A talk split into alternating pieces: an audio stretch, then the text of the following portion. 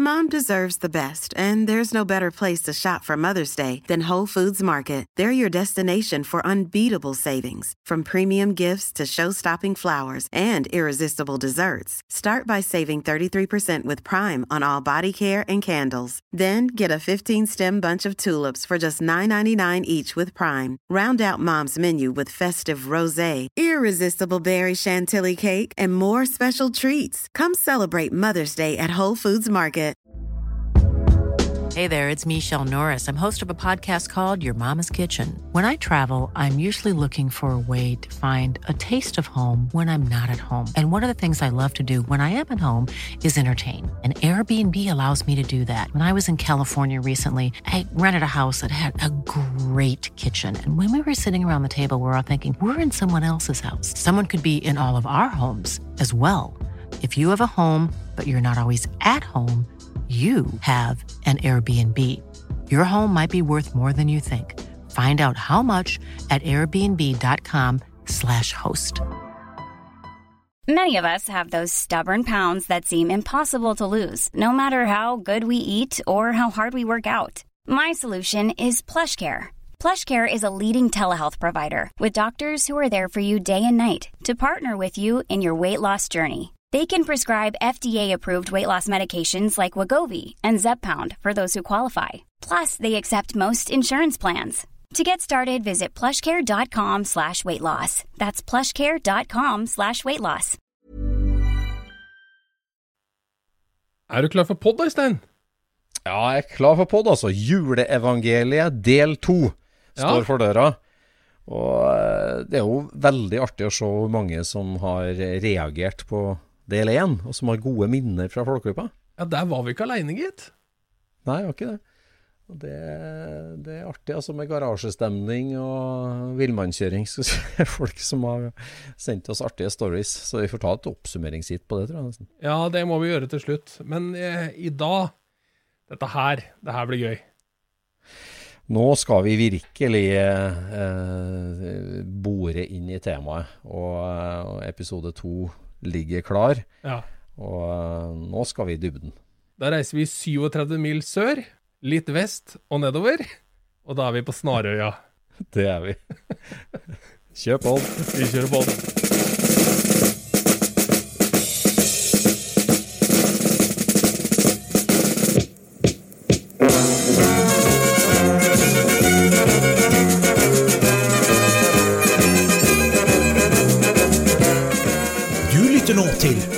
Scootspodden, en norsk podkast om klassisk bil med Jon Roar og Øystein.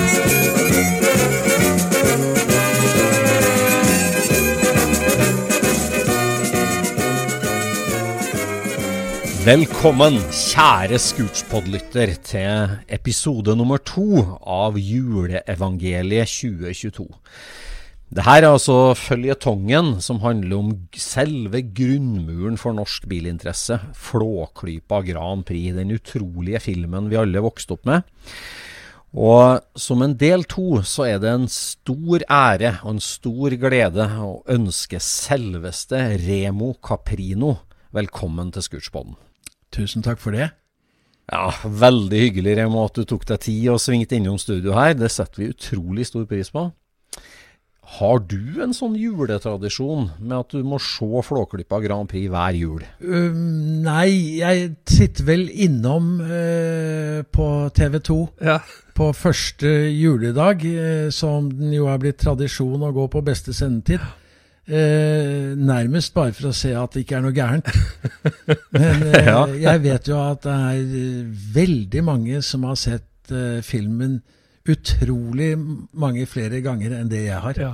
Altså Folk påstår altså flere hundrevis av ganger. Og eh, folk kan jo teksten utenat. Ja. Det er, det, er, det er nesten skremmende. ja. ja, det er nesten skremmende. Ja, det må jo være en utrolig følelse, det å ha vært så delaktig nå som har blitt en del av norsk kultur og kulturhistorie. En, en del av den norske folkesjela, rett og slett. Ja, eh, det er jo eh, en utrolig god følelse å ha brakt så mye glede til så mange i Norge. Og at uh, det kjempearbeidet som er lagt ned i filmen, er blitt så anerkjent som den er. At, jeg skulle sitte nesten 50 år senere og holde på med dette fremdeles, er jo Ja, jeg hadde sagt vedkommende hadde vært gal. ja. Ja, så Vi må jo tilbake til tidlig 70-tall. Det er klart Når dere eh, starta å jobbe med det her, og manuskriptet ble utforma, og all den massive jobben med filmen altså, Skjønte dere da hvor stort det her skulle være? Skjønte dere at dere satt på gull, og at det her skulle bli så stort? Skjønte dere? Nei, det, det var Altså, hvordan Uten å være stormannsgal, så eh, var det ikke mulig å skjønne det. Nei. Eh, det, det, det, var jo et uh, kjempearbeid som startet med et samarbeid mellom um, Kjell Aukrust og pappa. Ja. Mm. Uh, og hvor utgangspunktet var noe som skulle hete Flåklypa TV og radio. Uh, som igjen var basert på noe Kjell allerede hadde skrevet. nå skulle det vise seg at Kjells barokke humor, som uh, veldig mange elsker, ikke passet helt inn i vårt format.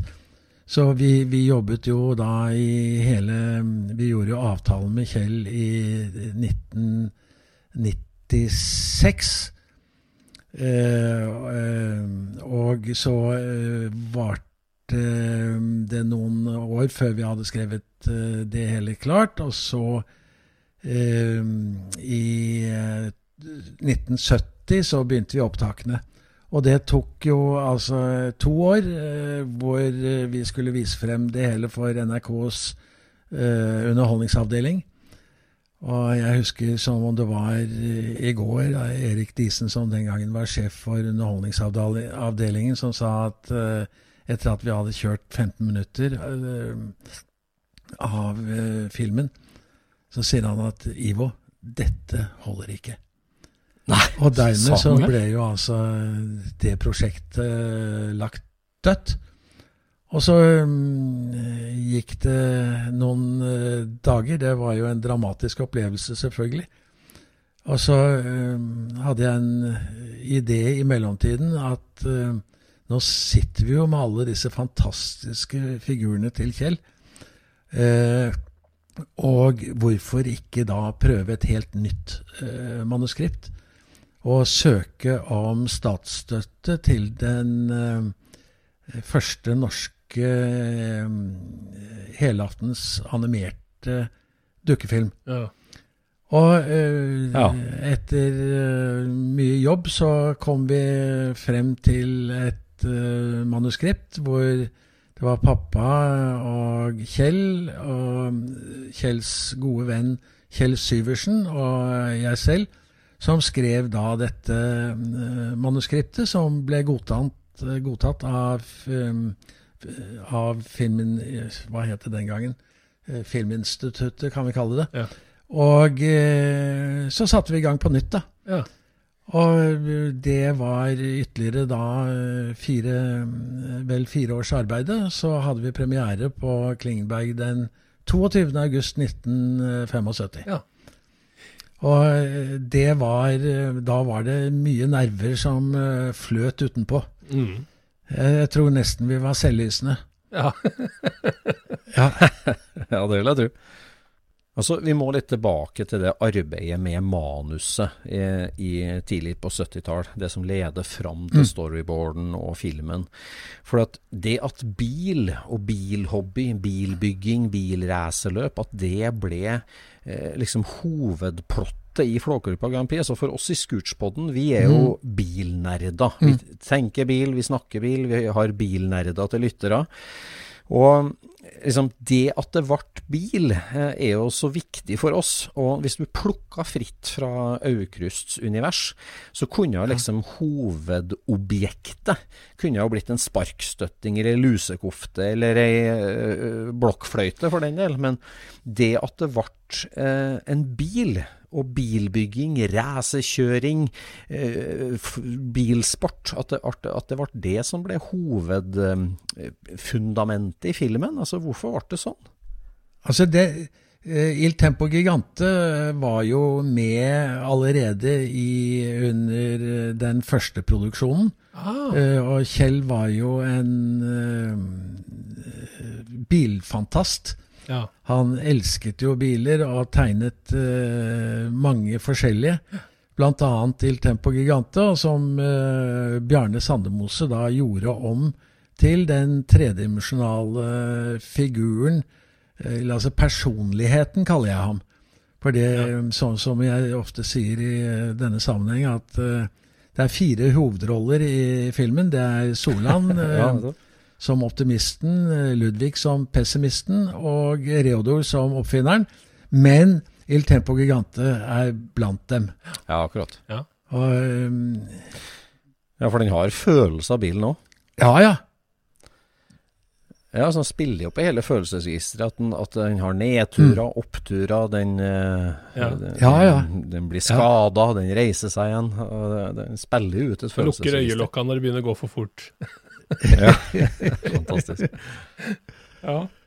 Men Remo, jeg har et spørsmål om den, det første utkastet der som var til, eh, til TV. Ja. Hvem var målgruppen for det? Var det barn, eller var det ungdom, eller voksen? Ja, det var vel egentlig et sånn familieprogram den gangen også. Ja. Eh, Det hele tok jo utgangspunkt i det eh, eh, NRK allerede hadde laget, nemlig et eh, eh, liveprogram med eh, Flåklypa-figurer, altså hvor Ja. det var sk skuespillere som opptrådte. Var det den filmen som handla om et skiløp, eller noe sånt noe? Du, eh, nå spør du om noe jeg ikke husker i så fall. Nei. For det fins en sånn Aukrust eh, spillefilm som er noe sånn halvveis komedie med ordentlige skuespillere. Jeg er ikke helt sikker på hva den, Ja. eh, hva den egentlig handla om. Nei, det, det var de samme figurene, men da eh, veldig annerledes. Men, og, og da veldig basert på eh, Kjells eh, elskelige barokke humor. Ja, ja, ja. Som da ikke, ikke, så, så, som ikke fungerte i vår sammenheng. Nei. Er det fra den filmen at det fins et sånt klipp hvor Flåklypa, eller Il Tempo Gigante, rives i to? Ja, Ja. Eh, stemmer. Ja. For det er jo ikke med i Den- filmen, det er jo fra den Nei. Ja. Ja, det var, det, det var eh, da den skulle prøvekjøres eh, første gang. ja. Ja, Så samarbeider ikke motoren foran med den bak. nei, nei, nei. Jeg har jo snakka om eh, bilinteresserte Kjell Aukrust, men hvordan var det i familien deres, Remo? Altså i Cap familien Caprino, far og sønn. Var dere noe bilinteressert? Nei, altså når jeg hører om dere to Nei, og Kjell, så eh, det er, kan vi vel ikke karakterisere oss som bilinteresserte. Jeg, jeg vet at eh, pappas eh, første bil var en Fiat 1938-modell. Ja. som jeg senere overtok som min første bil, og ble russebil. Ja. Eh, og mm, jeg angrer jo fremdeles litt av det på at uh, den ble borte. Ja. Ja, altså, eh, den, den, den hadde vært morsom å ha i dag, med sånne retningsvisere som kom ut fra siden og fysisk pekte utover. Og, og, ja. Altså, det er jo en ting som undrer oss veldig, det her biltekniske, bilvitenskapelige i filmen, hvor godt det er lagd. Altså verkstedet til Reodor Felgen med verktøy og løftebukkene eller bukkene. Mm. Og, og bildelene, rammer, spiralfjær, forstilling, motorblokk, oljepanne. Altså det, det, det bilfagtekniske, hvor kom eh, grunnlaget for det fra? For det er jo åpenbart eh, veldig godt gjort Altså, i filmen. Det, det var jo eh, i det vesentligste Bjarne Sandemose, Ja. så, som altså vår eh, Reodor Felgen i studio. ja. Eh, han, han var jo spesielt bilinteressert og kunne mekke bil. Oh, ja, ja, ja. Eh, og eh, var jo også med da, selvfølgelig da Etter suksessen i 1975 var, var jo han sammen med eh, Martinuzzi, som den italienske karosserimakeren som vi hadde invitert til å så eh, lage den store bilen. Så eh, var det de to pluss gutta i studio som var Ja, art, nei Bjarne var langt mer enn håndlanger, men Ja. det tok jo da ett år å bygge i studio. Ja. Ja. Så, så når han, når han eh, Bjarne bygde modellen eh, som seinere ble med i filmen, så, så var den på en måte ikke beskrevet av eh, Aukrust annet enn et utseendemessig eh, dokument, liksom? Ja, ja Bjarne hadde én eh, tegning fra siden. Ja. Og eh, det var det han brukte da som inspirasjon til å bygge hele bilen. ja. Og, og det, det en, en, ting er en todimensjonal eh, fantasitegning, en annen ting er altså få den til å passe inn i en tredimensjonal form. ja. ja. Eh, og mm, Bjarne var jo en kunstner med eh, materialer og sette sammen ting. ja.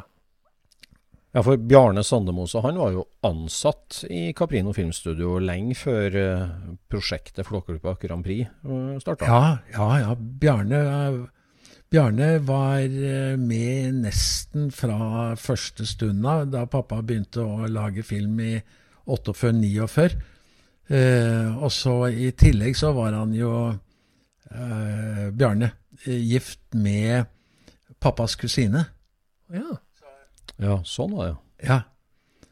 Så øh, jeg har i mange sammenheng sagt at øh, hadde det ikke vært for Bjarne, så hadde nok ikke Caprino vært der vi er i dag. Ja, For det er han eh, og faren din som har konstruert denne sinnrike eh, maskineriet som sitter inni dokkene, ikke sant? Med den, den Jo, strukturen. det, ja, det, det var jo den store hemmeligheten i mange år. ja. Ja, Eh, ja, ja. hvor hvor eh, hvem som helst kunne ha gått på Bryns patentkontor og sett patentet. Men uh, pappa skjønte jo den gangen at uh, dette var jo noe som var av stor interesse for publikum. Så eh, da eh, bestemte han seg for å dette holder vi hemmelig. Ja. Så alle som kom inn i studio, de måtte sverge på å aldri avsløre eh, teknikken. ja. Eh, Etter, etter hvert så, eh, så fant han jo ut at denne teknikken han hadde tatt patent på, den ga ham ikke den store friheten som han ønsket, så han eh, begynte etter hvert å eksperimentere med eh, punktfotografering. Ja. Og dermed så hadde han total frihet. ja. Og ja, for at det var for å filme live, det, hvor at du styrte Ja. dokkene? Ja, Ja, ok. Presis. Ja, ja, ja. ja. ja. Da, da, da, da, da filmet vi 24 bilder i sekundet, som var standard den gangen. Men hvor mye av, eh, av Flåklypa Grand Prix er eh, stop motion, og hvor mye er eh, faktisk bevegelser? da? N eh, be- 99% er stop motion. Ja, det er det, ja. Ja. Ja, jeg, jeg har jo regnet ut uh, at uh, i løpet av de 86 minuttene som filmen varer, så har pappa gjort så, Han var jo den som hadde animasjonen 100 Ja. Så har han gjort altså 1,9 millioner bevegelser. ja, på alt mulig rart i bakgrunnen og alt mulig, liksom. Ja, altså Nei, mye av bakgrunnen og sånt nå kunne vel uh, vi få lov til å gjøre. Ja. Men uh, du, du kan jo tenke deg én enkelt figur har to øyne, en munn som skal snakke, to armer Ja. og ben som eventuelt skal bevege seg. Ja. Da har du altså fire, fem, seks, syv Ja. forskjellige individuelle bevegelser Ja. som du må huske på. Eh, for øynene det var, eh, det, det var et hull i øynene på figurene. Og der satte pappa da inn en knappenål, Ja. og så beveget da den ene millimeteren som skulle til for også i løpet av 24 sekunder se ut som ett et sekund Ja. Nei, eh, 24 bilder skulle se ut som ett sekund med film. ja, ikke sant? Og, så eh, du, du kan jo da tenke deg hele orkesterscenen. Ja. Eh, hvilke enorm konsentrasjonsarbeid det er når én mann skal beta, eh, be, bevege alle disse Ja, altså kan, altså kan du vel ikke gjøre feil, for du kan ikke gå tilbake og få stilt inn alt riktig igjen? Nei, Nemlig. Ja. Jeg, jeg husker en episode hvor eh, vi under et opptak så eh, gjorde vi eh, Oppdaget pappa at eh, han hadde gjort en feil. Ja. Så eh, vi måtte da eh, kaste den scenen. ja. Så pappa i, i sitt sinne han, han, er ytterst sjelden at pappa noen gang ble sint, men da ble han så irritert på seg selv at han lukket opp eh, kameradøren, tok hele filmrullen og skylte den i veggen. Ei, ei, ei. Og så, så, så sa jeg litt forsiktig til pappa at du, pappa, er du klar over at vi hadde tre dagers opptak på den rullen? Nei! Ja, da gikk han, da gikk han ut av studio. og så var det bare å komme tilbake og begynne på'n igjen. Oi, oi, oi. Ja, ja. Ja, for at alle kulissene til filmen ble bygd opp i Studio Caprino Ja, ja. hos deg der. ja, ja. Ja, har du dem fortsatt? Nei, de var jo så store at de dekket jo hele Altså, racerbanen. Da brukte vi de to Vi har noe som vi da kaller Studio A og Studio B. Ehm, da brukte vi begge disse to studioene for å dekke hele banen. Ja. Gjorde dere det? Ja, Altså, dere bygde ikke bare eh, segment av racerbanen, altså hele den racerbanen vi kjenner, den ja og, og så hadde vi jo da, fordi vi hadde Il Tempo Gigant i, i forskjellige størrelser, Ja. Eh, slik at eh, i nærbildene, der hvor du ser eh, dem i bilen og de kjører, da er det ikke bilen som beveger seg, da er det bakgrunnen som beveger seg. Ja, ja, ja. Det, det, det, ser man jo ikke. Det er såkalt filmtriks. Ja, ja, ja. ja. Ja. Alt dette har jeg jo eh, forklart eh, i en veldig nær detalj i, i en dokumentarfilm vi laget til Blu-ray-utgivelsen av filmen. I 2013, var det vel? ja jeg tror nok jeg har sett det. Og. Har du sett den? Ja, det tror jeg jeg har. Det tror Ja, jeg. fordi der, der eh, går vi veldig grundig gjennom både dette med forgrunnsproduksjon og hvordan Mm. ja, he, hele filmen kom til og ble laget, og alt dette merkverdige som har skjedd senere. Ja, ja. Ja. Ja, Jeg er tilbake til det bilfaglige. da, liksom, så vi, vi blir jo så imponert. Den her scenen i verkstedet når chassis står der med rammer, og det er konkave sylinderforinger og hydrogenfylte ja, ventiler. ja. ja. Og, og den der kulissen som var chassis, selve chassiset, så det, det er Sandemoses verk. Ja. Det var han som var bilfagpersonen der. ja så absolutt. Jeg mener, han, han bygget jo sin egen kassebil, han, i sin tid. Jaha.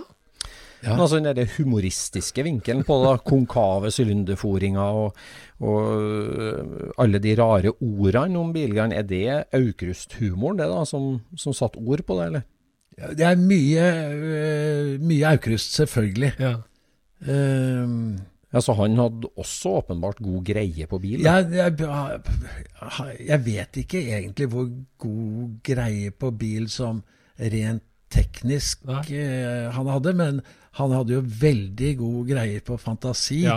og skape merkelige ord. Ja, ja, ja. ja. Eh, ja. Ja, ja. Ja, for det er, jo, det er jo noen av disse orda som faktisk ikke går an, men, men som Ja, er veldig morsomt, ikke sant, når du Ja, hører det. Jeg, ja, ja, jeg tar faktisk og skryter litt. Eh, Jeg var den som faktisk fant på ordet superrettometerfordeler. Ja, ja, ja.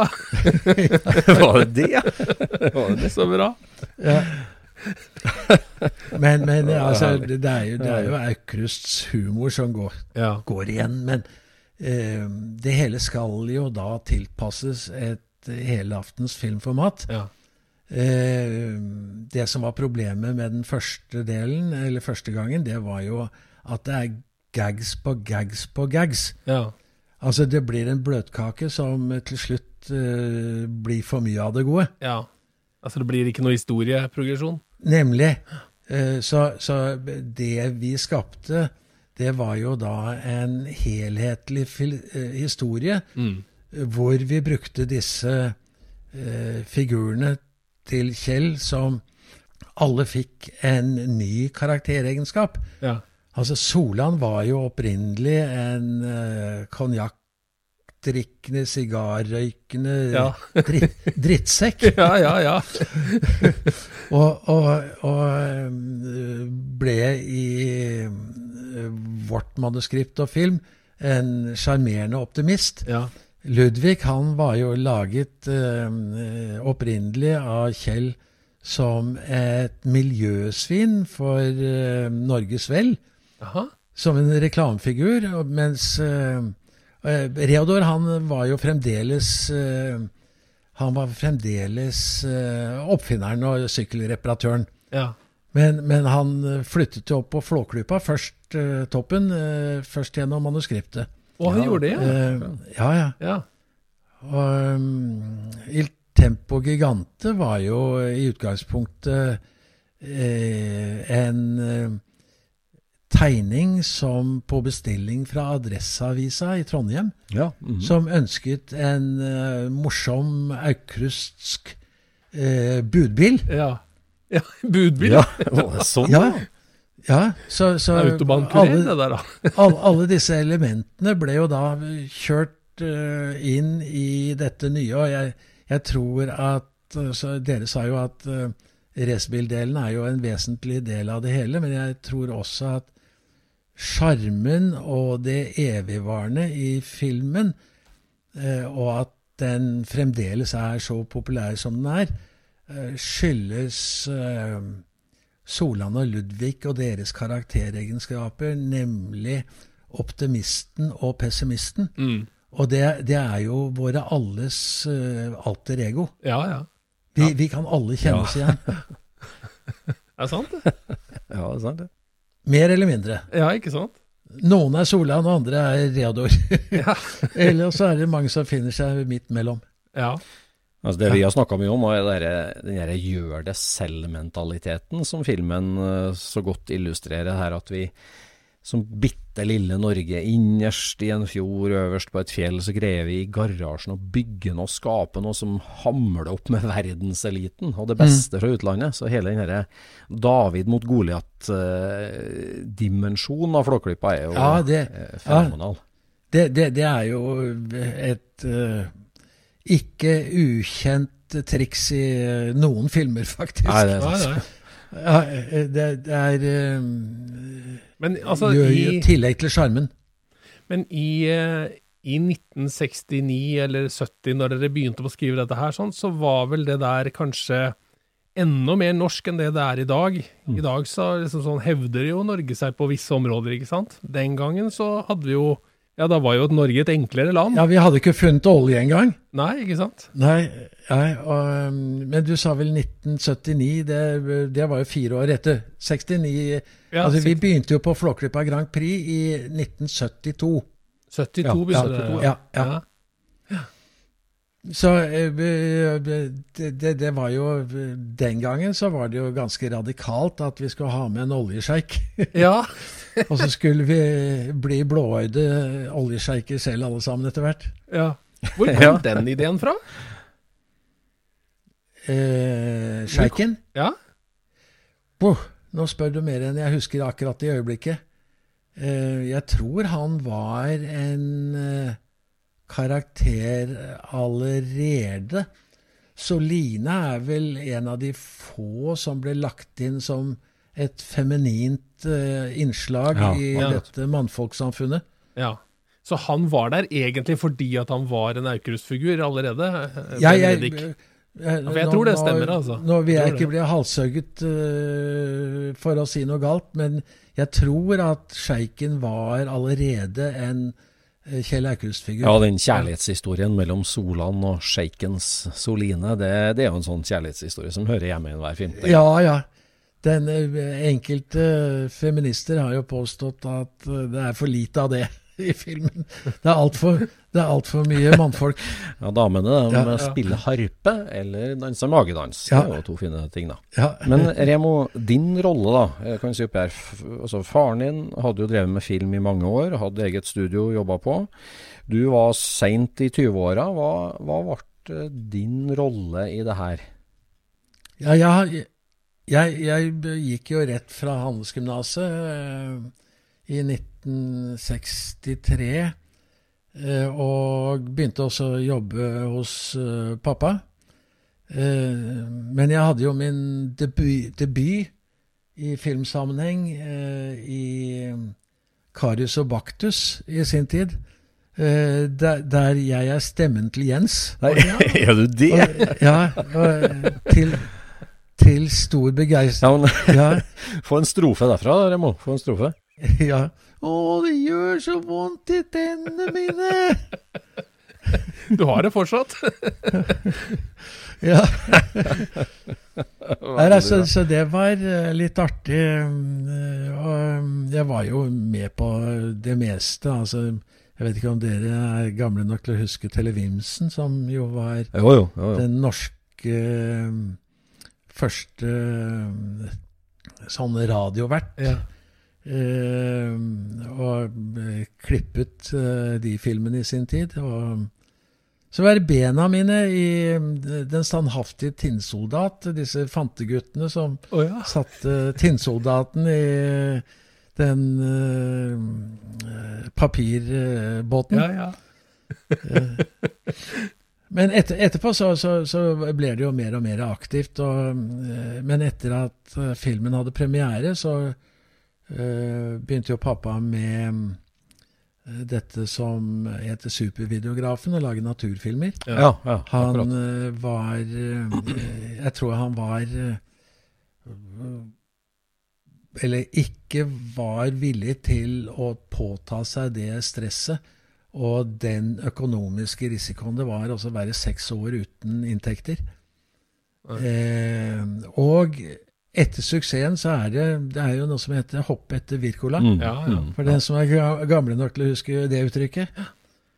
Eh, Så da mm, sluttet han med, med dukkefilm, eh, til dels, og begynte da med disse naturfilmene, som er faktisk eh, blitt veldig godt mottatt eh, også ute i verden. Så det fantes aldri noe plan om en, en toer, en oppfølger? Jo da, jo da, det har vært uh, opptil flere av dem, men eh, det skar seg jo litt eh, etter suksessen. Ja. Mm. Eh, så det ble en problemstilling mellom to store kunstnere Ja. eh, etterpå, hvor eh, Kjell jo plutselig oppdaget at uh, hans eh, verden og figurer plutselig ble omtalt som Caprino. Ah, ja. uh, og, altså, det er jo store kunstner, store ting, det er at man har et, også et stort ego. ja. Nødvendigvis. Og uh, Så det stoppet seg litt der. Eh, jeg hadde en idé om å lage Jeg vet ikke om dere husker Hårek? Jo. Jo, jo. Hårek, den hardballende. Ja. Mhm, Så jeg fikk eh, min søster til å lage Hårek som figur. Og jeg hadde ordnet da opp så jeg reiste til eh, New York eller Pennsylvania og, og hadde avtalt å møte Dick Brown personlig. Og han eh, sa eh, Jeg hadde jo da med en 16 mm film. Og jeg hadde ordnet med en fremviser, og han var vilt begeistret. Ja. Uh, og han sa dette er jo akkurat det jeg hadde ønsket at uh, min figur skulle fremstå som. Så vi satt uh, og håpet at det, det skulle gå bra, for, men så sa han da plutselig at jeg har et lite problem, eller kanskje et stort problem. Det er at jeg er jo eh, syndikert. Og det var jo altså Hearst, altså USAs største Ja, forlegger. Ja, den gangen. Faren til Patty Hearst, om dere husker den historien. Ja, Hearst Eh, Castle og alt det der. Ja, og eh, så gikk det nesten et år. Så fikk vi et brev tilbake fra Hearst da sa at dette hørtes veldig spennende ut, men dere må deponere tre millioner US dollars uh, før vi i hele tatt setter oss ned og begynner å diskutere. ai, ai. Og dermed så døde jo det prosjektet. Ja, akkurat. Ja. Og så var jeg Altså, en sånn oppfølgerfilm, da. Flåklypa Grand Prix del 2. Hva skulle ha storyen vært der, da? Var det diskutert noen Ja, storyline vi- for den? Ja, Nei, det, så, så langt kom vi aldri. Um, men um, for ja, hva kan det bli nå? Eh, syv år, syv-åtte år siden så diskuterte jeg med svensk filmindustri om å lage en oppfølger. Ok. Basert på de samme karakterene og det hele, men eh, så laget de da et budsjett, Uh, og det var den gangen på 250 millioner uh, kroner. For også lages i det som jeg ubeskjedent kaller Caprino-kvalitet. Og eh, det mm, er det jo ingen som hadde anledning. Vi er jo ikke borti sånne penger overhodet. Eh, og det vil si at da hadde det kommet utenlandske investorer inn.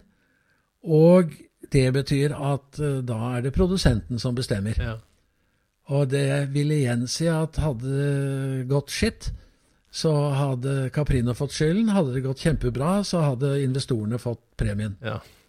Ja. Så ja, um, nettopp, det ble til at uh, vi da ikke gjorde. Men Altså, men av Flåklypa-universet, sånn som vi kjenner det, hvor mye av det finnes ut hos deg i dag i studio? Altså, alle dokkene, finnes dem? uh, dok dukkene fins, og f uh, det, vi har jo den store bilen, selv om den ble jo først laget etter uh, filmen. Men vi har originalen. Ja. Eh, den som vi mm, ser i nærbilder. Eh, så hadde vi en som var bare på en ca. 12 cm, eh, som vi brukte i oversiktsbilder når du så hele banen.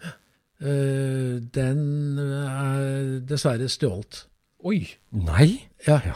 så Men det var jo dumt. en ting som jeg lurer litt på, når, når Bjarne lagde denne um, bilen, hvorfor er den i Mm. messingfarve?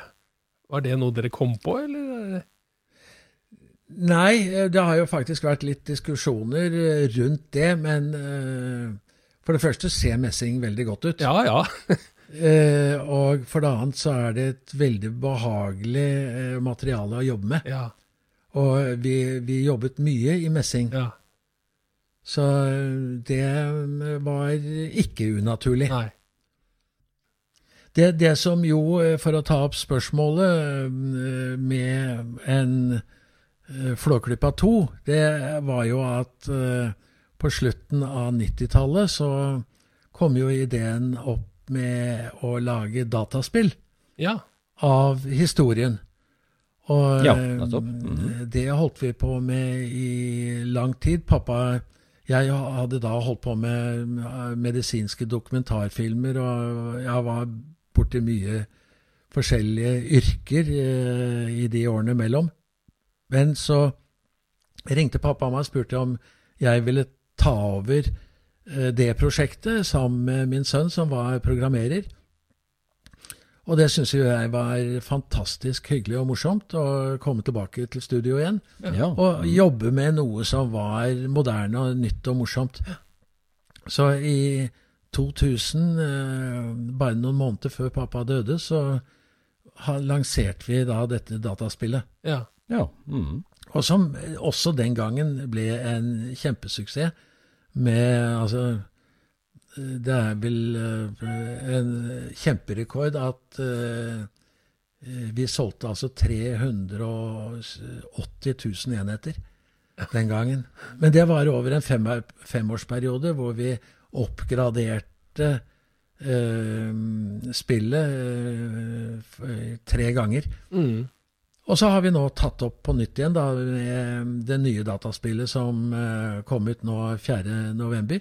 Ja. ja. Mm -hmm. Og det ser ut det, er- det er I løpet av årene etter at vi måtte, ikke kunne oppgradere lenger det gamle spillet, så har det vært et eh, evig hyggelig mas på å eh, eh, gjenoppta eh, spillet. Ja. Mm. Så vi, eh, i samarbeid med Ravn Studios i Drammen, så uh, outsourcet vi uh, spillet. Og uh, hadde som sagt eh, relansering nå 4.11. Ja. Samme, samme datoen som vi faktisk eh, elektronikkbransjen hadde utdeling av eh, eh, forskjellige årets Og da vant vi jo både årets spill og eh, årets eh, julegave. Oi! Så, så det, det, det håper vi jo veldig at uh, stemmer. Ja, ja. Ja, ja. Ja. Er det et spill for liksom PlayStation og sånn, eller? Det er PC Stream og, og Nintendo Switch. ja stemmer. Så, så skal vi på nyåret komme ut også på Mac. Ja. Eh, Forrige gang ble jeg jo nesten rundhjult verbalt av eh, folk som hadde Mac, og som sa at jeg løp eh, Bill Gates' ærend. Det er mye å passe seg for. Ja. Ja, ja. Nei, men altså, i, i dag er det faktisk enklere. Det finnes et oversettelsesverktøy som ikke er så altfor dyrt. Ja. Eh, som eh, gjør at vi kan oversette det også da til Mac. ja. Mm. Og eh, i, i Norge og Skandinavia så er det jo veldig mange Mac-brukere. Ja, og i spillet da, så er det de samme karakterene. Alle vi kjenner fra Flåklypa-universet. Ja, ja, ja det, er, det er helt eh, det samme. For nå kan du sitte i uh, helt Il Tempo men det- Gigante og kjøre, kan du ikke det? Jo, uh, altså, det, du, og du kan sitte i alle de andre bilene også. Å, ja. Og, og du kan også kjøre Du kan velge uh, Il Tempo Gigante, og den andre, den andre kan velge Blodstrupemons bil, Ja. og, og kjøre mot hverandre Ja. på, på, på split screen. ja. Har du Bumerang Rapidoen stående da i studio? Nei, den var en relativt enkel kulisse i sin tid. ja. Så den, hadde vi, den ble aldri bygget som en fullstendig bil på samme måte som Il Tempo. Ok. Men når han, når han presenterer eh, superretometerfordeleren sin, Ja, det er vel en ganske stor modell, er ikke det, da? Når, han, når den kommer opp av panseret um, du tenker på i filmen? Ja? Ja, Uh, altså den er jo uh, I proporsjon så er den jo som den er i filmen. Men det, det som er litt hyggelig og morsomt, var jo at det var en fan som eh, da han så den store modellen, eh, eller den, den live-versjonen av Il Tempo, Ja. så laget han til oss eh, superettometerfordeleren i riktig målestokk til den store modellen. Og det, det, ja, det er faktisk veldig morsomt. ja, det er morsomt. Ja, Ja, så nå sitter den på plass da, Ja, ja. Nei, det finnes uendeligheter av uh, søte og morsomme historier. Jeg husker en gang vi var eh, utenfor tivoli i mm, København. Og da var det vel eh, Ja, det var vel godt over 1000 mennesker der. Og mm, det var masse spørsmål frem og tilbake, og mm, jeg presenterte da Il Tempo Gigante, og eh, så var det noen som da hadde vunnet en tur med bilen. Eh, og eh, de hadde jo da fortjent en tur. Og etterpå var det jo selvfølgelig Alle andre hadde lyst til å altså, få en tur, de også. Selvfølgelig. Ja. jeg måtte bare være ordentlig og si nei, det kan vi dessverre ikke gjøre. Så kommer det et par bort til meg, og så sier eh, mannen at eh, eh, Du, kan ikke min kone, for hun er så fan, få lov til å få en tur i Il Tempo Gigante? Og så sa jeg det samme til eh, dem, at det går dessverre ikke. Og så sier han til kona at du, ta av deg jakken. og så eh, snur hun seg rundt og viser meg ryggen. Og på ryggen hadde hun da tatovert superrettometerfordeleren og over hele ryggen. Ja, ja, ja. Fullstendig galskap. Hun, hun, hun var lærerinne, eh, og, og altså, langt fra eh, gæren. Men, men eh, hun, hun fikk en tur. ja. wow. Det går an. Ja, da er du entusiast, altså. Et godt eksempel på den der utrolige effekten filmen har hatt på folk. Ja, Og, og det altså i hele Norge og hele verden, og vi vet jo at uh, i vårt naboland Sverige òg, så er det jo en del ganske kjente folk som krediterer Flåklypa Grand Prix. Ja.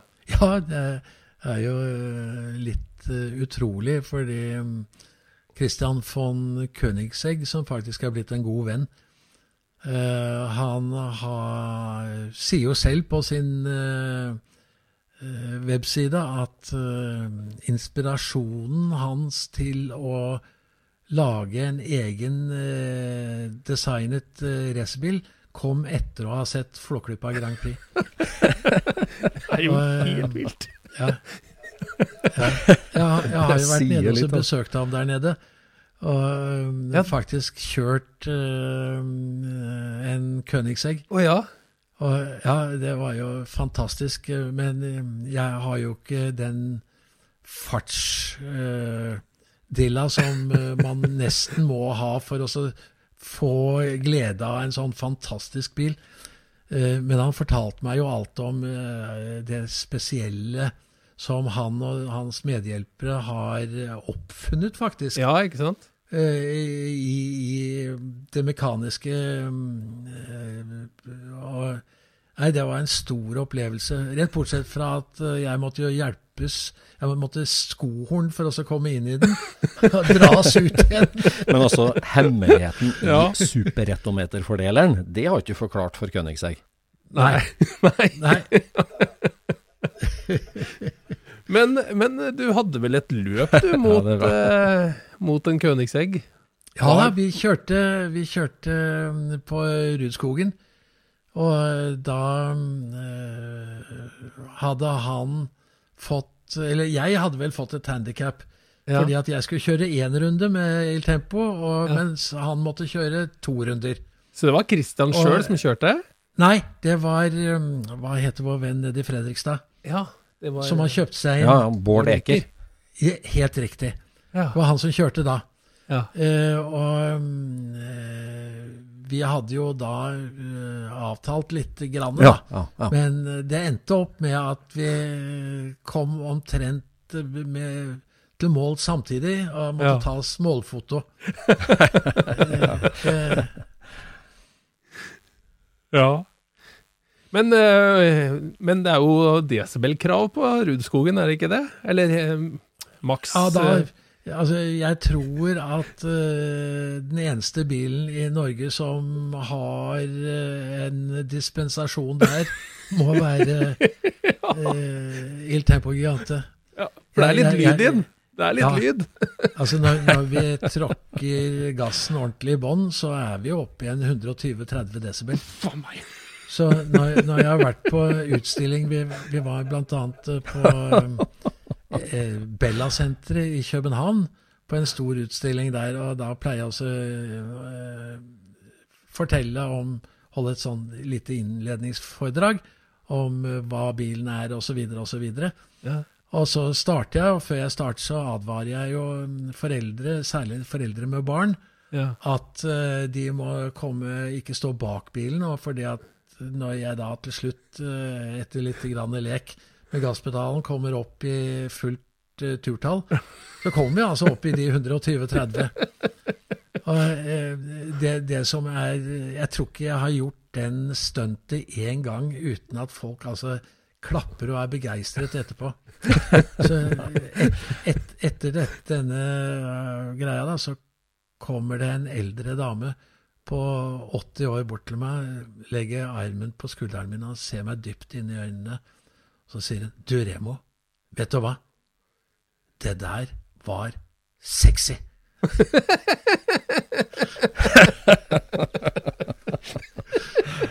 ja. Da er en 80 år gammel, så var det litt morsomt. Det er en bra kompliment. Oh, fantastisk. Bare én ting før vi forlater filmen og starter litt på én-til-én-skala i Tempo. Altså, de andre bilene i filmen, eh, Gasolini eh, sin bil og Medelsvenssons racerbil og sånt, hvor kom dem fra? Det var jo sånne ferdiglagete eh, biler fra Ja. den tiden. Det var så, ja. ja. Ja, en, ting til om, eh, om eh, all- à la julegaver. ja. Dere har jo laga en julegave tidligere òg, og det var jo den modellbilen av Il Tempo Gigante som kom ut i 77 eller noe sånt, eller? Ja, den kom ut i 76. Ja. Og så, som jeg nå har hørt om selges på eh, webshop eh, på altså over 20 000 ja. kroner. Hmm. Ja. Vi, jeg husker den jo jeg hadde en sånn da jeg var liten, men jeg var jo for liten til å ha en sånn, så den ble jo ødelagt, selvfølgelig. Så jeg har bare deler igjen av Og det er, vel, det er vel også en av grunnene til at den har eh, økt sånn i verdi. Ja. Fordi at den ble brukt til å eh, lekes med, Ja. og det var den jo ikke laget til. Nei. Men eh, en ting som jeg har lurt veldig på, fantes den i flere forskjellige størrelser, eller er det én størrelse? Nei, den ble laget eh, senere i 19... eh, nei, nå var det i 2005. eh, så, så hadde vi jo et jubileum, og da laget vi den som eh, eh, kjørbar bil. Ja, Altså stemmer. elektrisk. Ja. Eh, og laget noen tusen eksemplarer av det. ja. Men Jeg har mine i uåpna eske fortsatt. Både 70-tallsmodellen og den Ja, eneste nemlig. Det, det, det, det, det vil jeg, jeg ville være veldig forsiktig med å åpne den esken. Hvis man har den i uåpna eske, så er jeg usikker på om man kan kalle seg bilentusiast, altså. Nei, jeg er bilentusiast, ja. Du, du, du aner ikke hvor mange det var som kjøpte to utgaver. En til å leke med, en Ja. til å ha i, i hyllen. Ja, uff da. Skulle ha tenkt på det, vet du. ja. Men hvor mange blei det laga av de, vet du det? Av den øh, elektriske, så jeg, jeg tror vi bestilte noe sånn som fi... Jeg husker ikke ordentlig. 3000 eller 4000. Ja. Og den Eh, første, men- den er flere. Ja, den var enda flere. Men jeg har ikke noe tall der. Nei. Fordi at det selskapet gikk konkurs i sin tid, Mm. husker jeg. Og det er forsvunnet eh, en del uh, Ja. i arkivet der. Ja. Ja. Var det N- Norm, Normak det het? Normak Ja, AS eller noe sånt? helt, helt, helt riktig. I Tønsberg, Når- av en eller annen grunn? Ja, ja, ja helt riktig. Helnorsk. Ja. ja. Det, den vi laget senere, den, eh, det var jo Kina-produkt. Og det samme med disse eventyrfigurene det altså Solan og Ludvig som snakkende kosedyr. ja. Det var jo laget også i eh, Ja, Kina. Det, ja, var- mm. det tok altså Hva kan det være? To-tre år Ja, å få dem til også bli faktisk slik de skulle være. ja. Eh, ja, fordi det, det er ikke så enkelt å tilpasse dem slik det skal være. Jeg husker vi også prøvde uh, figurer i annen sammenheng og uh, outsourcet ting til India og ja. uh, andre steder. Og de som kom tilbake fra India, plutselig så dukkende indiske ut. ja. ja, ja. Sånn er det. Det er kanskje ikke så rart. Nei, nei. Men så tenker jeg, da, da var filmen lagd, og uendelig med timer var lagt ned. Og den 22. august 1975 så er det premiere på norske kinoer overalt. Altså, ja. Hva skjedde da? Hva skjedde over natta, og hva skjedde det første året? Liksom? Når skjønte dere at shit, det her blir stort? Liksom? Når skjønte dere det? Uh, ja, hvor stort det egentlig kom til å bli, har vi ikke skjønt Nei. egentlig Nei, det er fremdeles. sant. Det er sant. Men, men vi skjønte jo Og altså, det gikk jo kiloer av tyngde og, av skuldrene eh, allerede etter et par minutter Ja, ja, ja. eh, på visningen, fordi at folk var jo altså så ekstremt med fra første øyeblikk. Ja. Så det var latter og klapping og mm, trampklapp, og folk reiste seg etter at filmen var ferdig. Ja. Så, ja, det, det, det var en um, stor opplevelse etter alt det stresset som hadde vært. ja. Og Ja, det hadde vært årevis med arbeid og risiko og finansiell risiko, ja. så det var jo en enorm fallhøyde Ja, ja, for, ja. eh, Ja. For Caprino Og fallhøyden der var jo også det som vel eh, stoppet pappa fra, fra å lage en oppfølger fra en sånn suksess. Vi snakket om Wirkola tidligere. Ja. Ja, ja, ja. Og kanskje like greit, det. Ja, og så etter det da, så dukker jo den ideen opp med å bygge Il Tempo Gigante i en én-til-én-skala, eller en stor skala. Ja, det var skala. en av gutta i studio, det, som uh, Per Hauger, som uh, hadde vært med på under hele innspillingen. uh, som under lunsj, etter at suksessen var et faktum, og vi diskuterte hva gjør vi nå for å promotere filmen videre. Og da sa han at Ja. eh, Ivo, hvorfor tar vi ikke og lager den i stor størrelse, som den, at den kan kjøre? Og eh, pappa har jo vært alltid eh, giret på nye, gode ideer, så han sa hm, god idé, det gjør vi. Ja, og så Ja, ideen dukker opp, og så snur han seg da mot uh, Bjarne Sandemose da, på enden av bordet og sier Ja. Ja uh, så mm, lette vi etter en karosserimaker, da, og fant jo da, da Martinuzzi opp på Ullern bil, øh, der han jobbet i sin tid. Ja. Ja. Mm, mm. Så uten ham hadde vi ikke klart oss å bygge det avanserte bygget. Bilen kom jo inn som flate jernplater eh, inn i studio, og eh, reiste ut da, for å si det grovt, ut som det du ser den Ja, i dag, mm, ett mm, år senere. Men var det Var det i kontakt med Biltilsyn og sånt først, eller? Ja da, Den, den gangen var det jo Biltilsynet var jo vilt begeistret, og de stilte jo i hvit skjorte og jakke oh, ja, når de kom på besøk. ja. besøk. De, ja, de kom, eh, de kom ofte fordi de syntes det var så morsomt. Ja. Ja. Eh, I dag eh, tviler jeg vel på med de restriksjonene som, og tingene som Biltilsynet hadde etter hvert, eh, så hadde vi vel aldri fått eh, lov å lage den slik den er blitt. nei, nei. Det var, det var to eller tre ting eh, Biltilsynet ikke tillot, og det var Eller de krevet at det skulle være eh, skjermer på den eh, nye bilen. ja, bak, ja. Eh, ja. ja, og det er jeg egentlig veldig fornøyd med, fordi at jeg syns den ser faktisk flottere ut med Ja. skjermene enn uten. Ja. Men da hadde du ikke hatt den der geniale Aukrust-bremsen, Eh, som jo er totalt fjollet, selvfølgelig. Men, men eh, Og så det andre var at uh, vi fikk ikke lov å bruke Reodors bukseseler som sikkerhetsseler. det, en annen ting som er jo litt av det morsomt, er at jeg tror at vi var de første eh, i verden som startet med ryggekamera.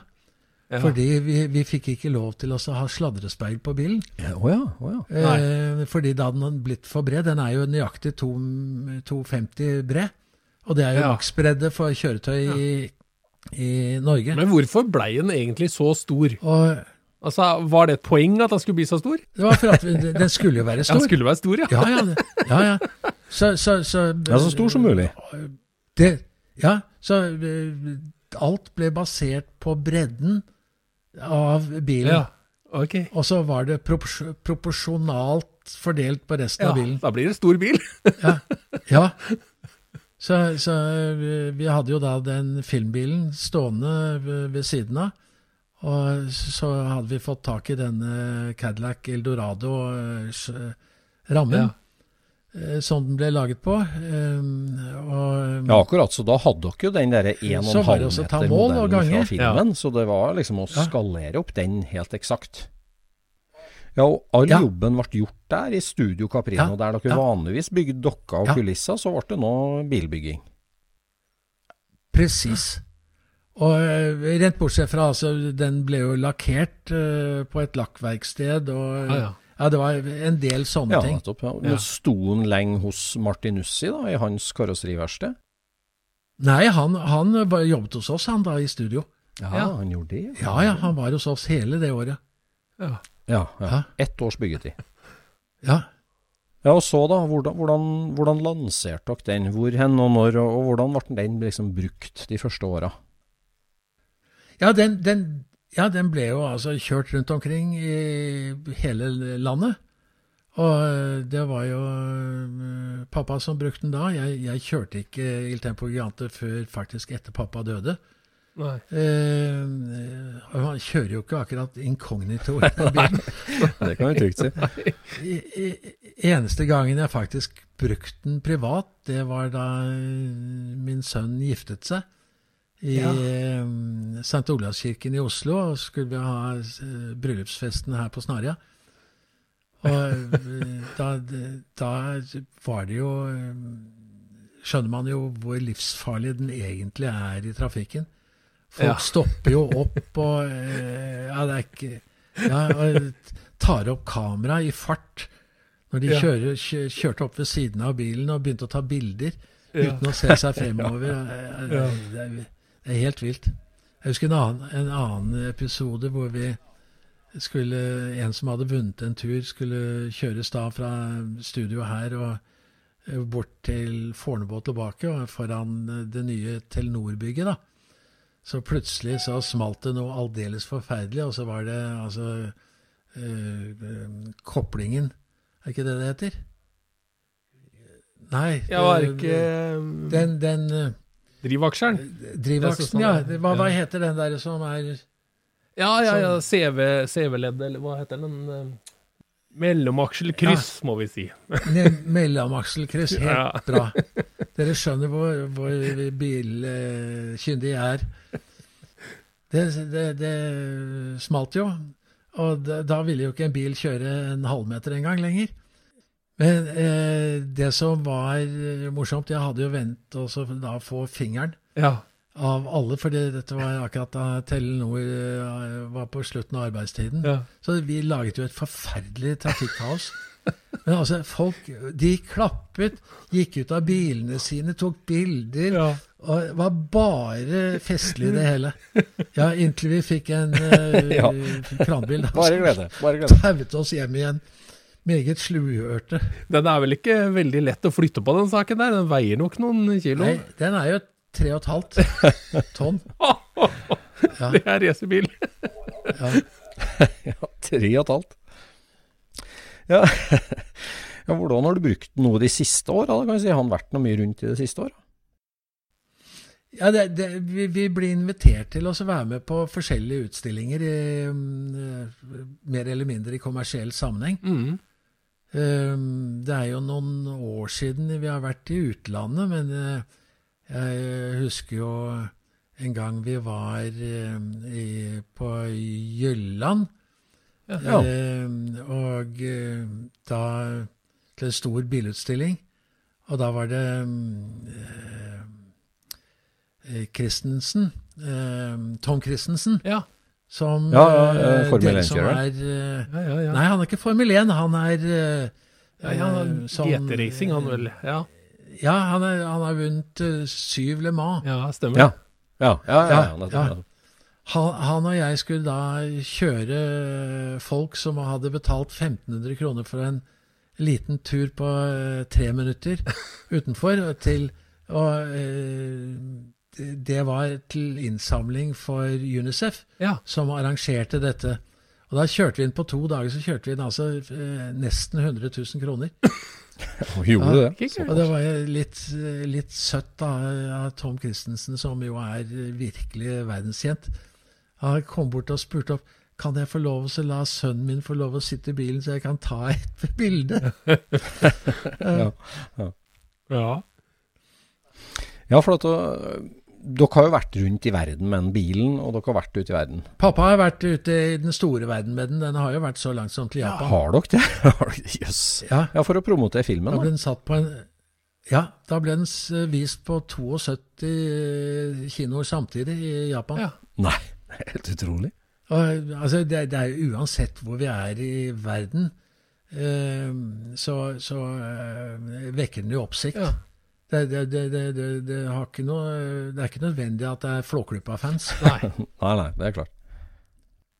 Men altså, filmens aksepter ute i verden altså Vi vet jo Pinchcliffe Grand Prix, og den var oversatt på mange språk og rundt Ja. omkring. Altså, hvilke land er det som har vært de store landene for filmen? Ja, det er eh, Danmark fremfor alt. Ja, Danmark, ja. Akkurat. Ja, I Danmark tror de jo at eh, det er en, eh, norsk, nei, en dansk film. Ja. Jeg hadde en episode i Bergen. Vi skulle ha repremiere der for eh, noen år siden i forbindelse med utgivelsen av Blu-rayen. Ja. Og da kom det et dansk par, mens jeg holdt på å sette opp uh, sånne uh, postere.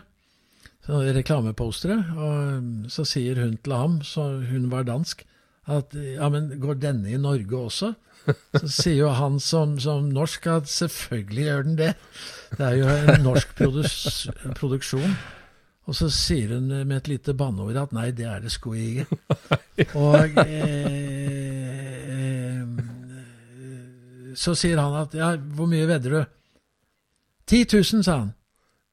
Og da brøt jeg inn og sa at det får du ikke til. så hun, hun, sparte de 10 000. Ja. Det, det, er definitivt eh, Danmark som, som er eh, det store landet. Der nede har vi jo altså over 60 000 fans Ja. på Facebook. ja, ikke sant? Ja. Men det må jo ha vært en stor utfordring å finne skuespillere eller voiceover-artister i de andre landene for å matche den norske, for den er jo virkelig genial med hvordan dere plukka Ja. stemmene. ja. Og altså, de eh, Altså, det japanske, det har jeg ikke peiling på. Men uh, da David eh, gjorde om uh, og la uh, Filmen er jo laget i 4-3-format og i mono. Mm. Og i 2005 så bestemte vi at vi skulle nå gjøre den om til eh, moderne 16.9-format Mm. og Dolby 5.1. Ja. Eh, og da måtte vi jo finne nye skuespillere. Eh, vi, til dels fant vi eh, noen som fremdeles var i live, selvfølgelig, Ja. og, og brukte dem. Under dataspillet som vi ga ut nå i år, der har vi jo måttet tilnærmet finne nye hele veien. Ja. Det, det, det, det som er morsomt med, syns jeg, med Solan i dataspillet, det er jo at det er Wenche Myhre. Ja. Eh, og eh, det interessante er jo at Wenche var i sin tid Solan i den svenske versjonen. Å ja, var ikke det i den norske, nei? Ja. Nei, det var Kari Simonsen. Det var Kari Simonsen, vet du. Ja, Sånn var det. ja. Og uh, Toralf er jo ikke helt oppegående lenger, så han er jo syk. Ja. Eh, så eh, der har vi da funnet nye som er flinke imitatorer Ja. til å gjøre de forskjellige Ja, altså Den kjendisrekka i den opprinnelige filmen, det er jo helt vilt. altså Leif Juster som fortelleren og den rekka, det, det er jo A-laget, det, hele veien. Ja, det er jo det bare de, Ja. det er jo bare de beste. Gåsehud. Ja. Gåsehud er det. Ja, ja. Men pappa var jo veldig flink til å velge både musikere, eller altså øh, komponister, Ja, og mm, også mm, stemmer. ja. Um, han kjente Ja, jo mm, øh, mm. de fleste av dem personlig. Uh, og da mm, Altså Leif, for eksempel, Leif Juster, han uh, Jeg har jo kjent alle disse siden jeg var guttunge. Ja. Han, han og mamma eh, hadde jo fødselsdag eh, på samme dato, 17. februar. Så eh, de feiret veldig ofte fødselsdagene sine samtidig, eller sammen. Ja, ja. Yes. Spennende. Ja. Ja, ja, ja. Jeg var jo fast invitar på Edderkoppen i sin tid, for jeg hadde jo da gratisbillett. ja. Uh, og var inne og så på eh, forestillingene der som det var. Du har vært med på litt av hvert, du, Rømo. Ja. ja. Er, mange, mange har jo spurt meg ja, det, det må jo ha vært eventyrlig ha vært med på ja, hele denne oppveksten. For den, den var jo eventyrlig. Ja. Men for en som har da vokst opp i det, så er jo det eventyret er jo da virkeligheten. ja. Så du, du opplever det egentlig ikke som eventyr før andre forteller deg det. Nei, nei, nei. Fantastisk. fantastisk. Ja, ja. ja. Men som andre så har, har sagt også, når vi snakker om Flåklypa Grand Prix, så uh, hvor, de, hvor spennende det må ha vært, og så ser jeg det som jo er faktum, at det, hvis du deler 86 minutter på seks år, Mm. så må det nødvendigvis bli ganske mange hverdager. ja. Ja, det blir det. det blir Mange hverdager. det var hverdagen din, det der. Ja. Hvordan er hverdagen med å eie den store Il Tempo Gigante, da? Eh, Den er jo eh, Det er, det er jo morsomt. Eh, Nå står den jo i, i studio her. Ja. Um, Og mitt, min drøm er jo å eh, gjøre om det studioet, for i dag foregår jo alltid digitalt. Ja. Så vi behøver ikke den plassen vi har. Og da hadde det vært veldig moro å lage Reodors verksted. Oh, ja, ja. Og puttet, eh, puttet Il Tempo Gigante i der, der den hører hjemme. ja. Eh, oppå, oppå Hunderfossen så sto den jo i et glassmausoleum. Ja, det stemmer. Og for meg så er et glassmausoleum det er liksom der du finner Lenin og Stalin. Ja, ja. Så jeg syns aldri det passet Noe som er dødt, på en måte. Ja. Ja. Ja, Da stiller vi oss først i køen, Er han Jon Roar i hvert fall, hvis det skal selges billetter til Reodor Svarstad. ja, Ja, ja. der Ja, det hadde, det hadde vært faktisk. Og vi, vi har jo en god del gjenstander fremdeles, og da er det alle dem som æres bør eh, i, i den sammenheng. Jeg har jo blant annet eh, Det er vel en 250 negativ gipsavstøpninger av alle figurene som min bestemor modellerte opp gjennom alle år. Ja. Eh, og eh, hun var jo en fantastisk eh, kunstner. Eh, og tegner. ja. Ja, altså, Ja. Som du sa, alle dokkene fra filmen, og ja, f.eks. Reodor Felgen da, med lusekofta og snekkerbuksa og alt, den har du helt intakt. Ja, ja. Hans, hans eh, Ludvig og uh, Ludvig og Nei, S- Reodor og eh, Solan sitter i filmbilen. Og de sitter i filmbilen, ja. Ja, ja. ja. Ja, de sitter i bilen og De gjør er klare for start, de. Og Sjeiken og Soline sitter i original Rolls-Roycen. Ja, den Silver Ghosten. Ja. Var det en kjøpt modell, eller var det en Nei, det er? Bjarne som har bygget den. Oi, oi, oi. Ja, det er jorden, ja. Ja, hvor stor er den, da? Ja, den står jo i proporsjon til uh, Flåklypa. Ja, eh, ja, den er stor, den da. Ja. ja, den er ganske stor. Ja, ja. Hvem av Det modellene var en, eh, det var en eh, 1905 Rolls. ja. Du skulle kanskje spørre om noe helt ja, nei, jeg lurte på hvilken av Il Tempo-gigantene er det som har hull i gulvet etter pedalen?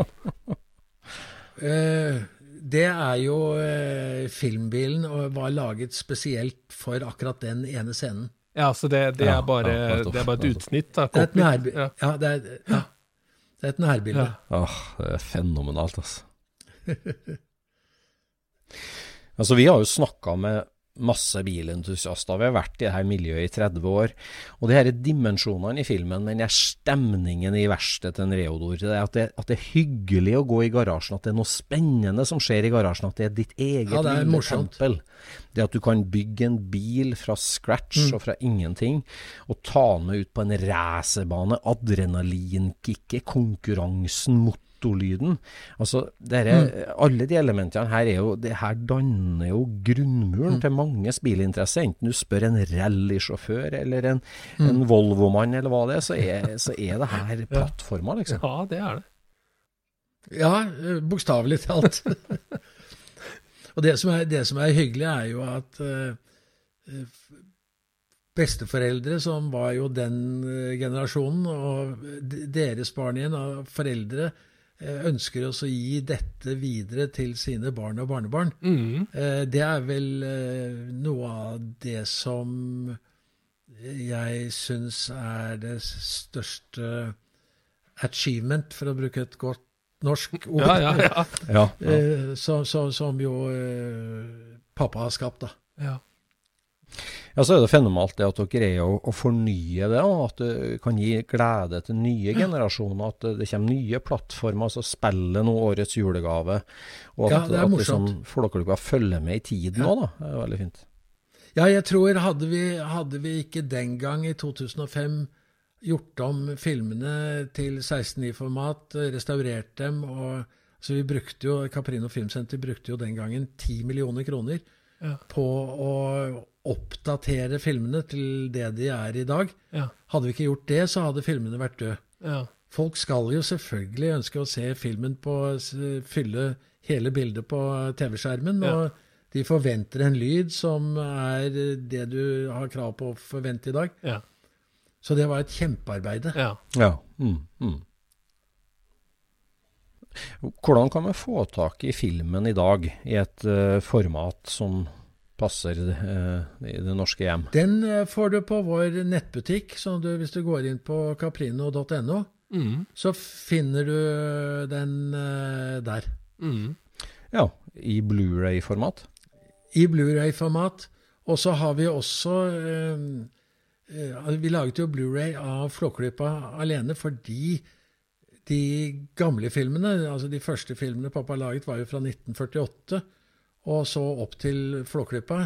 Der er, var utgangsmaterialet så dårlig mm. at det, du, du, får det ikke bedre enn eh, det vi har på DVD. Nei. Så vi, vi, har jo da en eh, Det vi uærbødig kaller Caprinos eventyrlige verden-boks. Mm. Hvor elleve av uh, eventyrfilmene er med, og, uh, og også uh, Flåklypa, men da ikke i Blu-ray. Så i 2013 så laget vi en ytterligere forbedret versjon i, på Flåklypa på um, Blu-ray. Og der har vi også en masse bonusmateriale med. Mm. Blant annet eh, det mm, jeg har kalt eh, før, under og etter Flåklypa Grand Prix, ja. mm. som er hvor jeg sitter og forteller med bilder eh, alt om hva som skjedde før, under og etter. Mm. Der, er det, det, der er det veldig mye spennende og interessant uh, man lærer. Ja, og det syns jeg denne episoden av Scootspodden også har blitt. Veldig spennende og interessant. Og vi må si det, Remo Caprino, tusen, tusen hjertelig takk for at du tok deg tid til å svinge innom og dele de her opplevelsene med Scootspod-lytterne. Det var rett og slett en ære. Ja, ja altså, det er jo selvfølgelig hyggelig å høre. Det er, det er alltid man merker jo lett hvor eh, hyggelig det er å bli smigret. Ja. ja. ja. veldig, veldig bra. Og da er det julegavemuligheter òg, på caprino.no. Ja, hyggelig. og på vegne av titusener av norske bilentusiaster, mm. så sier vi tusen takk eh, for at du var med og ga oss den oppveksten. Takk til dere også, at jeg fikk la oss å være med. God jul. I like måte. Ha det bra. Scootspodden produseres av SSC Media, med god hjelp av VV Norge og Trond Dahl for hosting, Knut Micaelsen for musikk. Abonner på Scootchpod via podcaster eller Acast, og følg Scootchpod på Instagram og se det vi snakker om. Der kan du også komme med kommentarer og innspill, og fortelle oss hva du vil høre om.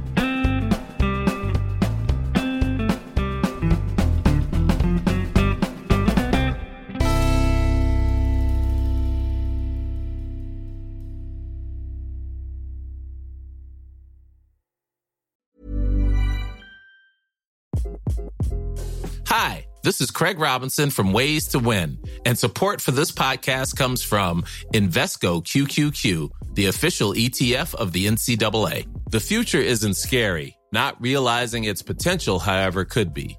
Just like on the recruiting trail, I've seen potential come in many forms as a coach. Learn more at Invesco.com slash QQQ. Let's rethink possibility. Invesco Distributors, Inc. Mom deserves the best, and there's no better place to shop for Mother's Day than Whole Foods Market. They're your destination for unbeatable savings, from premium gifts to show-stopping flowers and irresistible desserts. Start by saving 33% with Prime on all body care and candles. Then get a 15-stem bunch of tulips for just $9.99 each with Prime. Round out Mom's menu with festive rosé, irresistible berry chantilly cake, and more special treats. Come celebrate Mother's Day at Whole Foods Market.